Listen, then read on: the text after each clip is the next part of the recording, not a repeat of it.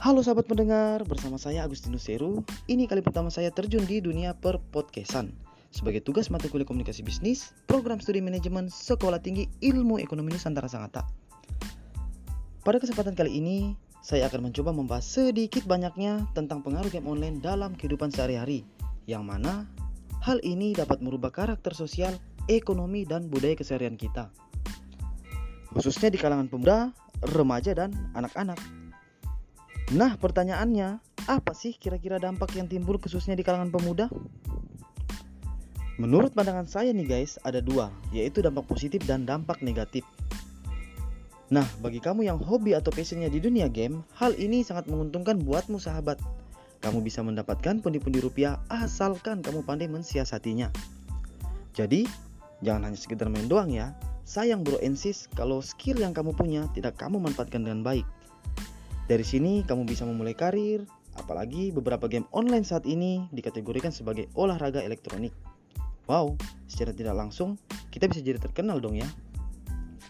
Nah, inilah salah satu nilai positif yang mana hobi dapat menjadi pekerjaan.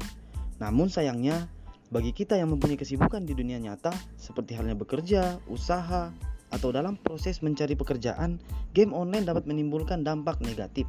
Kenapa demikian? Memang sih awalnya niat kita hanya sekedar hiburan, mengisi waktu luang, apalagi sambil menunggu kabar dari dia. Wih, boleh juga tuh ya. Tapi ya sahabat yang namanya candu atau ketagihan pasti ada aja siasat alasan buat terus bermain game. Misalnya lagi kerja, ada waktu istirahat dikit, kita sempatkan untuk main game. Eh, ujung-ujungnya malah pekerjaan itu terbengkalai. Belum lagi waktu ngegame di malam hari, kasihkan jadi begadang. Padahal rencananya besok mau cari kerja, mengurus persyaratan lamaran kerja, atau bahkan menjalankan usaha. Jadinya rencana itu tertunda, ditambah lagi masalah kesehatan kita berkurang akibat keseringan begadang.